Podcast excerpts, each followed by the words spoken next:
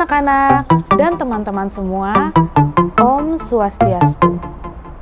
Bagaimana kabarnya hari ini? Semoga selalu dalam keadaan baik ya. Jangan lupa selalu menjaga kebersihan dan juga kesehatan. Hari ini Miss Nesi ingin berbagi pengetahuan tentang ajaran Trirena. Trirena berasal dari dua kata. Tri yang artinya tiga, rena yang artinya hutang atau kewajiban. Jadi, trirena memiliki arti tiga kewajiban atau hutang yang dimiliki oleh manusia sejak lahir. Lalu, hutang apa saja ya? Yang pertama adalah Dewa Rena. Dewa Rena artinya hutang atau kewajiban yang dimiliki oleh manusia kepada Sang Yang Widiwasa dan seluruh manifestasinya. Hutang ini dapat terjadi karena kita sebagai manusia diberikan percikan terkecil oleh Sang Yang Widiwasa yang disebut dengan Atman. Dengan Atman tersebutlah kita sebagai manusia dapat hidup dan bergerak. Selain itu, Sang Yang Widiwasa juga telah menciptakan alam semesta untuk tempat kita tinggal dan juga bertahan hidup. Yang kedua adalah Pitrarena. Pitrarena artinya hutang atau kewajiban yang dimiliki oleh manusia kepada para pitra, leluhur, dan juga orang tua.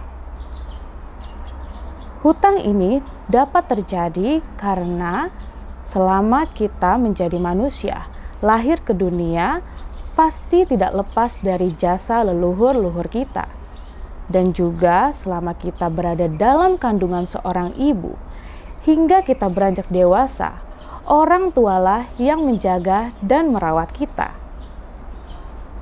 Yang ketiga adalah resi rena. Resi rena artinya hutang atau kewajiban yang dimiliki oleh manusia kepada para resi dan juga orang suci. Seperti para guru, pendeta, pemangku, dan sulinggi.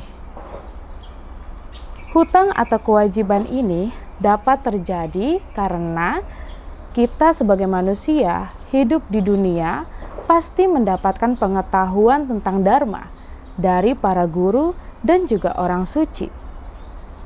Sehingga kita mendapatkan pencerahan dan mendapatkan tuntunan untuk menuju kebahagiaan. Lalu bagaimana ya cara kita untuk membayar trirena ini? Nah, di dalam agama Hindu kita mengenal adanya pancayatnya. Pancayatnya berasal dari dua kata. Panca yang artinya lima, yatnya yang berarti pengorbanan atau persembahan. Jadi pancayatnya memiliki arti lima persembahan suci yang tulus ikhlas. Nah, di dalam pancayatnya ini ada lima bagiannya. Yang pertama adalah dewa yatnya. Dewa yatnya artinya persembahan suci yang tulus ikhlas kepada Sang Yang Widiwasa dan seluruh manifestasinya. Yang kedua adalah pitrayatnya, yang artinya adalah persembahan suci yang tulus ikhlas kepada para leluhur. Dan yang ketiga adalah resiyatnya yang artinya adalah persembahan yang tulus ikhlas kepada para resi atau orang suci. Yang keempat adalah manusiayatnya, artinya persembahan suci yang tulus ikhlas untuk mensejahterakan manusia itu sendiri. Dan yang kelima adalah butayatnya. Butayatnya artinya persembahan yang tulus ikhlas yang ditujukan kepada para buta. Yatnya ini sangat terkait dengan trirena.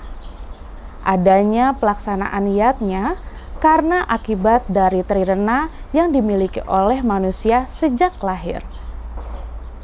Dewa Rena dapat dibayar atau ditebus dengan melaksanakan dewa yatnya dan juga butayatnya. Dewa yatnya yang dapat kita lakukan adalah dengan cara bersembahyang setiap hari, membersihkan tempat suci, dan juga mempelajari pelajaran keagamaan. Sedangkan untuk buta yatnya, kita dapat melakukan upacara yang ditujukan kepada para buta.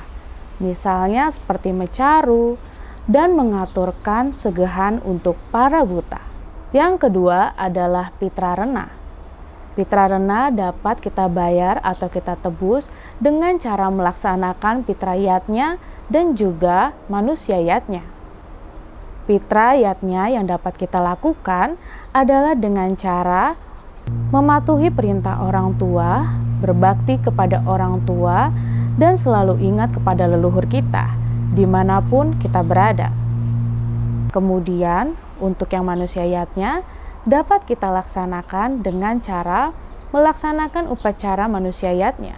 Contohnya seperti otonan, mepandes, pawiwahan, dan masih banyak upacara-upacara manusia yatnya lainnya yang dapat kita lakukan. Yang ketiga adalah resi rena.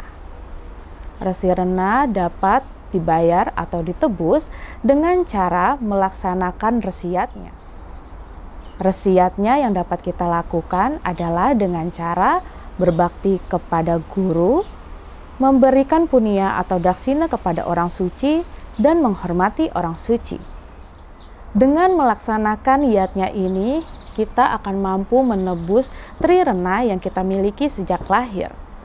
Selain itu, pelaksanaan yatnya yang kita lakukan akan membawa kita kepada kesejahteraan dan juga kemuliaan yang diberikan oleh para dewa.